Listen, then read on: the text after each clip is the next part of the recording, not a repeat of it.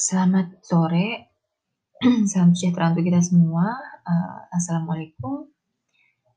Uh, untuk teman-teman kelas negosiasi dan resolusi konflik, pada materi kali ini kita akan bahas negosiasi, teori, dan konsep.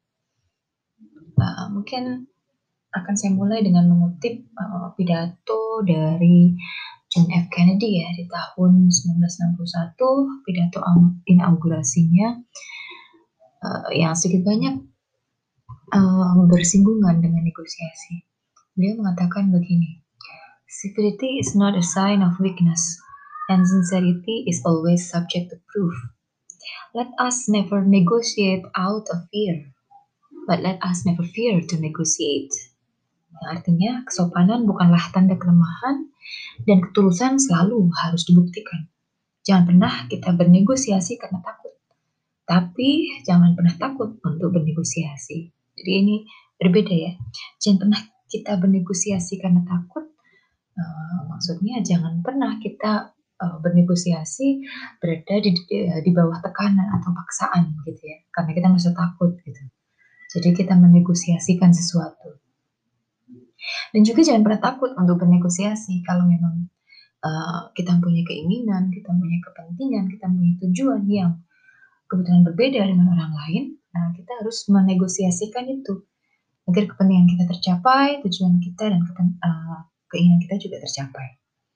Begitu. Nah, kemudian kita selanjutnya akan mengulas tentang pengertian negosiasi oleh beberapa ahli. Uh, mungkin kita bisa memulai dari penjelasan McGuire di tahun 2004 eh, menggambarkan negosiasi sebagai kecakapan hidup yang membantu mencapai kompromi dalam situasi di mana terdapat kepentingan yang terpolarisasi. Jadi kompromi dalam kepentingan yang berbeda. Gitu. Selanjutnya Donald J. G. Ford di tahun 1989 juga mengatakan bahwa negosiasi dapat didefinisikan sebagai proses di mana dua atau lebih pihak berusaha untuk mencapai keputusan bersama tentang masalah yang menjadi perhatian bersama. dalam situasi di mana mereka berada dalam perselisihan atau konflik aktual maupun konflik potensial. Jadi konflik aktual itu sudah terjadi ya, sudah ada di permukaan. Konflik potensial itu konflik laten. Uh, pandangan berikutnya dari Hatch, mohon maaf jika saya salah mengeja, di tahun 2007 menyebutkan negosiasi adalah proses sosial di mana dua pihak atau lebih berinteraksi dalam mencari posisi yang dapat diterima terkait perbedaan mereka dan tentang masalah konflik yang sama. Jadi uh, konfliknya isunya sama gitu, tapi di, uh, di dalam konflik itu kan ada perbedaan-perbedaan sehingga muncul konflik. Nah, jadi dua pihak atau lebih ini mencari uh, posisi yang dapat diterima oleh semua pihak gitu ya, oleh dua atau lebih pihak tersebut ya yang berkonflik tadi. Selanjutnya uh, Feshera di tahun 2013 juga mendefinisikan negosiasi sebagai proses yang menghasilkan pilihan kolektif antara dua atau lebih pihak yang berkonflik dan independen. Pandangan selanjutnya oleh Dedru di tahun 2014 mengatakan bahwa negosiasi melibatkan penyelesaian konflik kepentingan antara dua pihak atau lebih uh, dan resolusi ini dicapai melalui komunikasi yang persisten ya. Negosiasi merupakan alat yang dapat digunakan untuk menciptakan hubungan yang baik dengan orang lain. Ya, jadi ada konflik kepentingan yang uh, harus diselesaikan ya dan salah satu syaratnya adalah komunikasi yang persisten. Selanjutnya, uh, Zohar tahun 2015 mendefinisikan negosiasi sebagai upaya menemukan penyelesaian konflik antara orang dan kelompok dan berbagi sumber daya sedemikian rupa sehingga situasi menang-menang tercapai. Ya, uh, win-win solution begitu ya, mencapai win-win solution. Ya, jadi memang semua definisi uh, di atas memiliki dua kata kunci yang sama ya. Uh, kita berbicara konflik, resolusi, dan aktornya berupa dua pihak atau lebih ya. Negosiasi menjadi alat untuk menyelesaikan konflik ya dan memang diarahkan untuk mencapai kompromi uh, antara uh, berbagai pihak. Oke, bagaimana dengan uh, negosiasi dalam HI tentu saja uh, sangat uh, penting ya posisinya ya uh, negosiasi dalam HI uh, sejak kajian-kajian tentang organisasi internasional ya diplomasi uh, itu mulai di uh, itu mulai muncul ya. Uh, nah ini negosiasi ini diperlukan uh, terutamanya kalau dalam uh, kajian HI ya uh, HI klasik ya yang tokohnya uh, negara atau aktornya negara sangat diperlukan ya uh, untuk mencapai uh, kepentingan gitu, mencapai kepentingan nasional. Nah, dalam paradigma HI uh, negosiasi ini juga uh, mempunyai variasi ya, variasi uh, apa pandangan tergantung paradigmanya. Kalau dalam paradigma realis uh, berpandangan bahwa kondisi alami konflik itu pertama terjadi karena perbedaan kepentingan nasional ya, interaksi yang terjadi ya, interaksi antar aktor, terutamanya dalam uh, dunia yang anarki ya, sampai kemudian uh, berbicara konsep uh, kekuasaan atau power gitu ya, uh, bahwa power relation itu juga menentukan negosiasi. Gitu ya. Nah, jika liberal atau neoliberal uh, mengatakan bahwa keuntungan dapat uh, didap, uh, dapat didapatkan oleh dua atau lebih pihak yang melakukan negosiasi ya terutamanya kalau kita bicara dalam konteks kerjasama atau uh, cooperation ya tujuan itu didapatkan selama proses negosiasi jadi tidak ditentukan di awal seperti uh, realisme ya realisme mengatakan jadi negosiasi menurut realisme uh, tidak uh, sangat potensial untuk tidak win-win solution gitu ya. Bisa jadi zero sum ya. Tentu aja, uh, tentu ada yang menang dan ada yang kalah. Karena didasarkan pada power relation pertama kedua kepentingan nasional itu atau tujuan kepentingan nasional uh, tujuan untuk mencapai kepentingan nasional itu sudah ditentukan di awal gitu tidak bisa dirubah uh, walaupun dengan negosiasi gitu ya. Nah, selanjutnya juga uh, bisa teman-teman eksplor nanti di uh, melalui paradigma-paradigma lain di dalam HI. Kemudian uh, kita selanjutnya akan berbicara tentang pendekatan-pendekatan ya atau teori-teori dalam negosiasi ya. Ada beberapa pandangan atau pendapat.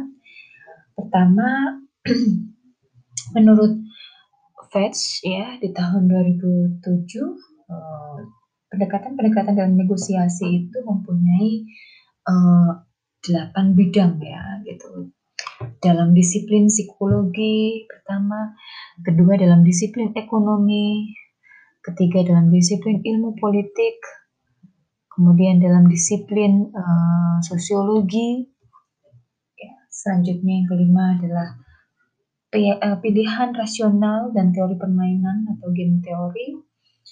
Uh, yang keenam adalah teori organisasi, yang ketujuh riset kelompok kecil, dan yang kedelapan uh, berkaitan dengan analisa kekuasaan dan kepemimpinan. Negosiasi-negosiasi ini uh, akan berbeda satu sama lain tergantung pendekatan yang digunakan, gitu ya.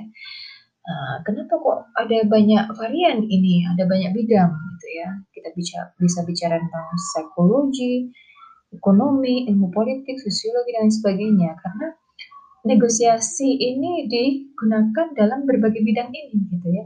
Di bidang psikologi juga uh, ada akarnya gitu ya, akar yang menjelaskan uh, tentang negosiasi itu. Apa yang menyebabkan uh, suatu pihak itu uh, apa berhasil dalam negosiasi misalnya bagaimana cara suatu pihak itu bisa berhasil dalam melakukan negosiasi dan lain sebagainya.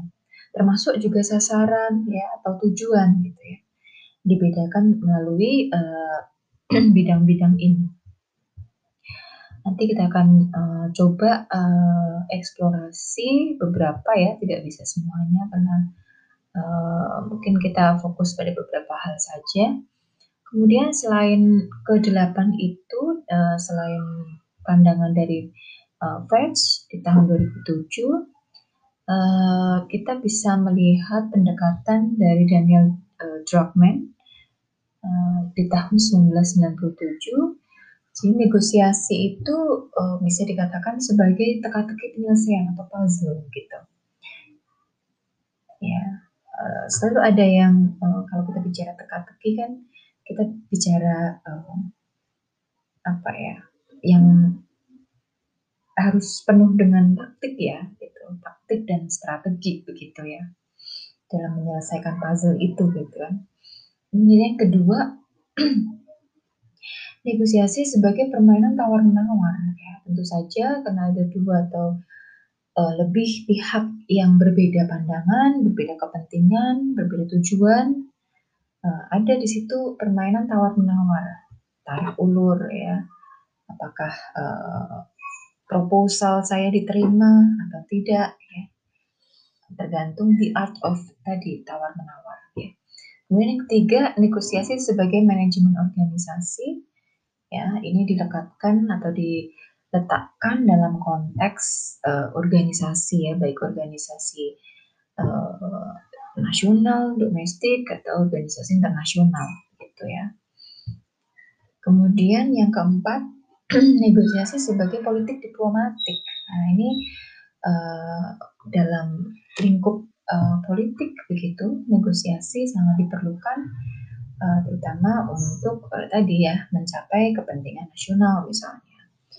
Nah, dalam kasus uh, diplomatik hubungan diplomatik uh, negara bangsa misalnya. Nah, negosiasi antara aktor-aktor diplomat ya antara aktor-aktor diplomat ini uh, bisa diletakkan dalam konteks ini gitu. Selanjutnya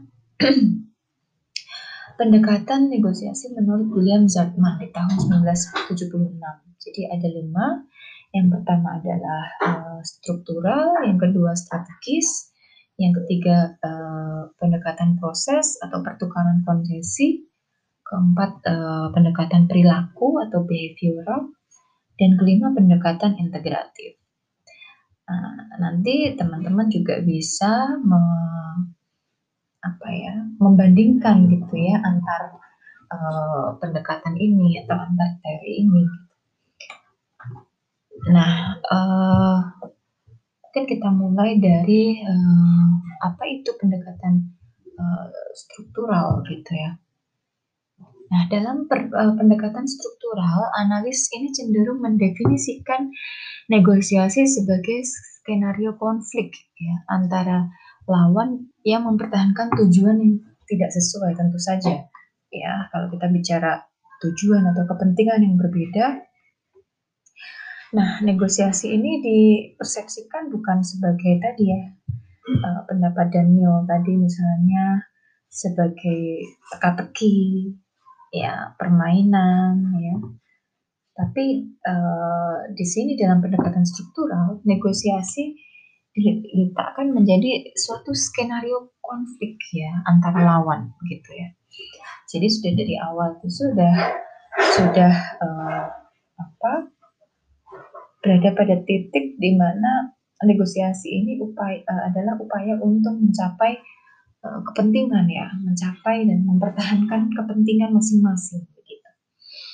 Nah, kemudian juga analis uh, mengadopsi pendekatan struktural ini untuk mempelajari negosiasi melalui penekanan cara gitu ya. Jadi uh, bagaimana cara negosiasi yang digunakan oleh masing-masing pihak gitu. Salah satu kontribusi utama dari pendekatan struktural adalah uh, pendapat yang mengatakan bahwa kekuasaan adalah faktor penentu yang sentral dalam negosiasi. Ya. Jadi power relation di sini, relasi kuasa. Ini sangat penting ya untuk menentukan uh, negosiasi ini mau dibawa ke mana gitu.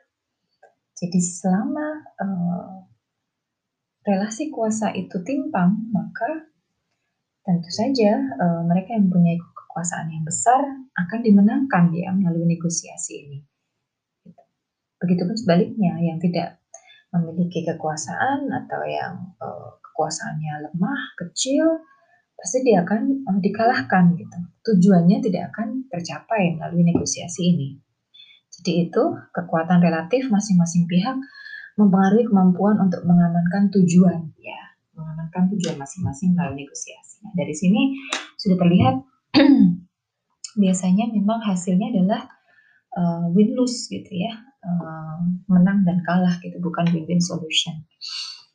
Selanjutnya uh, model strategik ya atau strategic uh, approach. Uh, model strategik ini juga bisa disebut sebagai model pilihan rasional. Ya. Jadi uh, dari kata strategi ya, uh, cara gitu ya, yang digunakan ya, untuk mencapai tujuan. Nah, cara-cara ini yang difokuskan ya untuk mencapai tujuan. Seperti apa gitu. Jadi negosiator dipandang sebagai pengambil keputusan rasional dengan uh, mengetahui alternatif-alternatif pilihan. Uh, dalam negosiasi itu ada beberapa alternatif-alternatif pilihan. Misalnya tujuan A ini tidak tercapai, kita harus punya plan B, begitu, plan C dan lain sebagainya, gitu ya, dengan hitung-hitungan keuntungan yang sudah dipertimbangkan, gitu. Jadi ada perhitungan opsi mana yang akan memaksimalkan tujuan atau keuntungan mereka, begitu ya. Jadi uh, aktor memilih dari serangkaian pilihan yang sudah diketahui tadi, mana yang mungkin untuk dicoba dan uh, untuk dicapai uh, hasil yang diinginkan. Contoh strategic approach ini ada pada teori permainan atau game teori ya, uh, yang akarnya sebenarnya dari matematika, jadi menggunakan model matematika uh, untuk mendeskripsikan, merekomendasikan atau memprediksi tindakan yang diambil uh, oleh pihak-pihak untuk memaksimalkan keuntungan mereka sendiri ya. Jadi ketika ada konsekuensi bahwa tindakan apa pun yang mereka pilih pasti akan juga uh, tergantung dari keputusan yang dibuat oleh aktor yang lain. Jadi ada uh, prediksi-prediksi ya, ada pilihan-pilihan gitu ya, bahwa uh, upaya untuk memaksimalkan keuntungan itulah yang akan diambil gitu ya.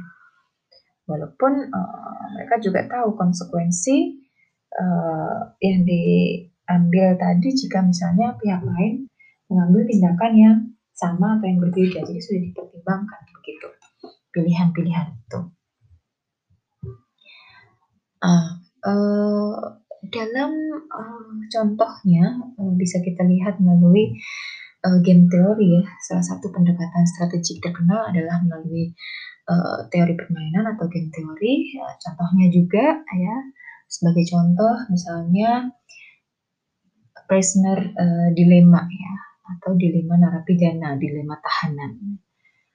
Nah, game ini uh, prisoner dilema ini mencerminkan skenario. Jadi, kenapa kok uh, namanya adalah dilema narapidana gitu ya?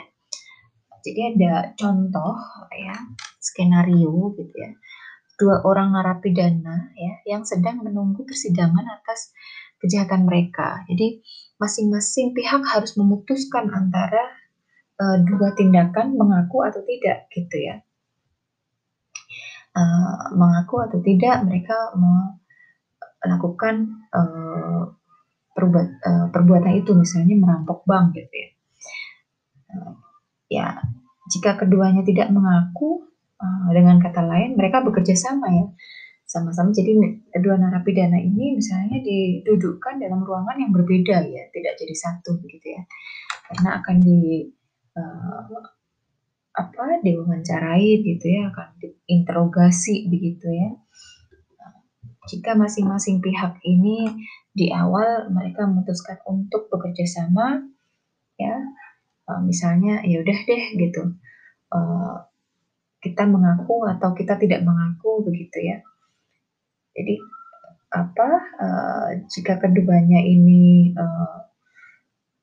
mengaku mereka melakukan uh, perampokan bank gitu sama gitu ya uh, pengakuannya maka uh, konsekuensinya setiap tahanan harus menjalani hukuman penjara dua tahun gitu. Nah, di sisi lain, jika kedua narapidana memilih untuk membelot dan membalikkan bukti satu sama lain, misalnya, oh saya tidak melakukan itu, yang melakukan itu hanya si A, gitu, bukan saya, gitu. Dan si A pun juga uh, mengatakan di ruangan yang lain, "Oh, saya tidak melakukannya, yang melakukan itu hanya si B," gitu. Nah, mereka kan berarti tidak ada kerjasama tuh, gitu. Mereka saling melempar ya, uh, membalikkan bukti begitu ya. Nah, jika kedua narapidana tersebut tidak, uh, melakukan kerjasama, ya, sama-sama membelot gitu, maka kedua narapidana itu akan dihadapkan pada hukuman penjara 4 tahun.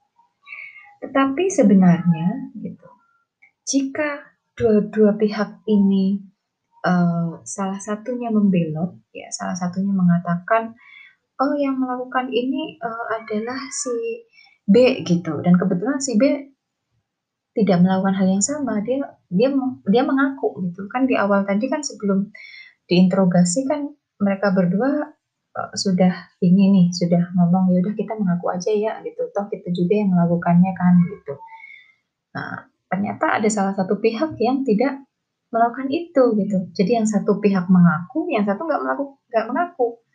Yang satu mengatakan oh bukan saya kok gitu. Tapi si B dan si B mengatakan iya saya melakukannya gitu. Nah akhirnya si A akan bebas gitu dari hukuman dan si B lah yang akan mendapatkan hukuman. Nah, jadi pilihan uh, pilihan untuk uh, membelot ini sebenarnya juga mempunyai keuntungan ya, keuntungan yang maksimal walaupun jika dua-duanya itu apa uh, mengaku juga uh, hukumannya juga ringan kan, cuma dua tahun gitu. Tapi lebih ringan lagi jika yang satu ini uh, tidak mengakui perbuatannya dan menuduh orang lain, uh, walaupun dia juga kemungkinan nanti nggak tahu ya apakah si pihak yang lain itu akan mengaku atau tidak gitu ya, tapi keuntungan maksimal itu didapatkan ketika dia uh, apa?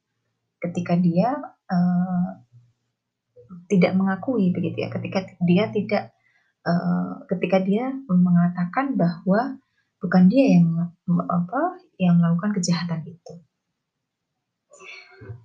Nah, pilihan-pilihan rasional seperti itulah yang menjadi contoh uh, dalam uh, game teori terutamanya kalau kita berbicara uh, prisoner dilemma. Nah, karena setiap pemain itu berusaha untuk memaksimalkan keuntungan mereka sendiri dan tidak akan ada yang tahu apa yang pemain lain lakukan dilakukan, maka pemain rasional akan memilih membelot gitu karena dia menyadari dengan memilih untuk membelot dia akan mendapat keuntungan yang maksimal. Oke, selanjutnya uh, ini adalah uh, contoh gambar begitu ya. Nah, uh, selanjutnya adalah pendekatan behavioral ya. Tadi juga sudah disinggung tentang disiplin psikologi. Uh, pendekatan behavioral dalam negosiasi ini menekankan pada uh, apa ya uh, fokus ya jadi pendekatan perilaku. Ya bahwa kepribadian uh, suatu individu atau suatu negosiator itu sangat berperan.